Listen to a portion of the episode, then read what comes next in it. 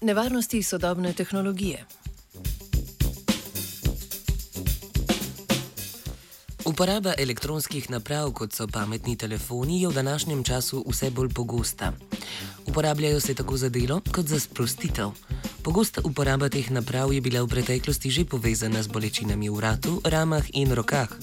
V novi študiji so raziskovalci in raziskovalke podrobneje proučili vpliv uporabe elektronskih naprav na roke in zapestje.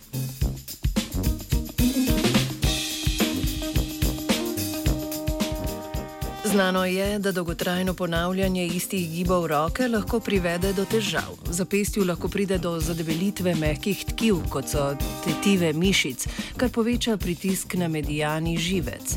To povzroči bolečino, mravlinčenje in omrtvičenje v strukturah, ki jih ta živec v roki oživčuje. V skrajnem primeru se težave rešuje z operacijo.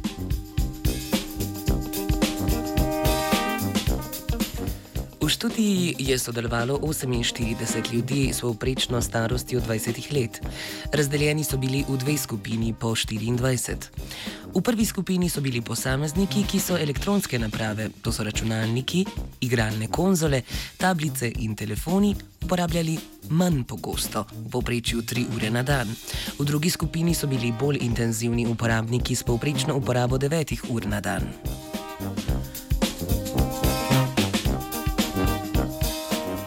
Prvi skupini, ki je elektronske naprave uporabljala bolj zmerno, jih je imelo težave z bolečinami v roki 25 odstotkov. V drugi skupini z bolj intenzivnimi uporabniki pa jih je imelo težave kar 92 odstotkov.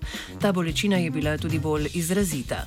Ultrazvok je pokazal, da imajo ti uporabniki večji in bolj sploščen medijani živec. Statistična analiza podatkov pa je razkrila močno povezavo med dolžino uporabe elektronskih naprav in intenziteto bolečine.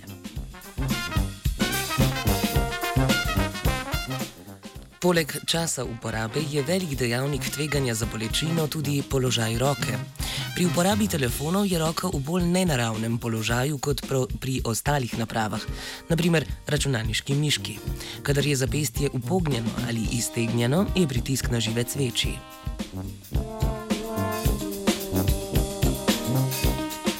Kot eno izmed rešitev avtori študije predlagajo bolj ergonomske oblikovanje naprave, do takrat pa lahko težave z zapestjem rešujete sami.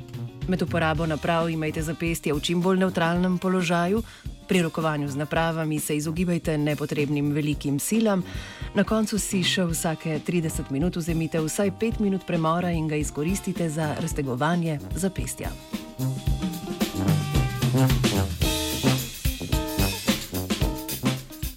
Pri pisanju prispevka si je redne premore privoščil črt. Three, two, One.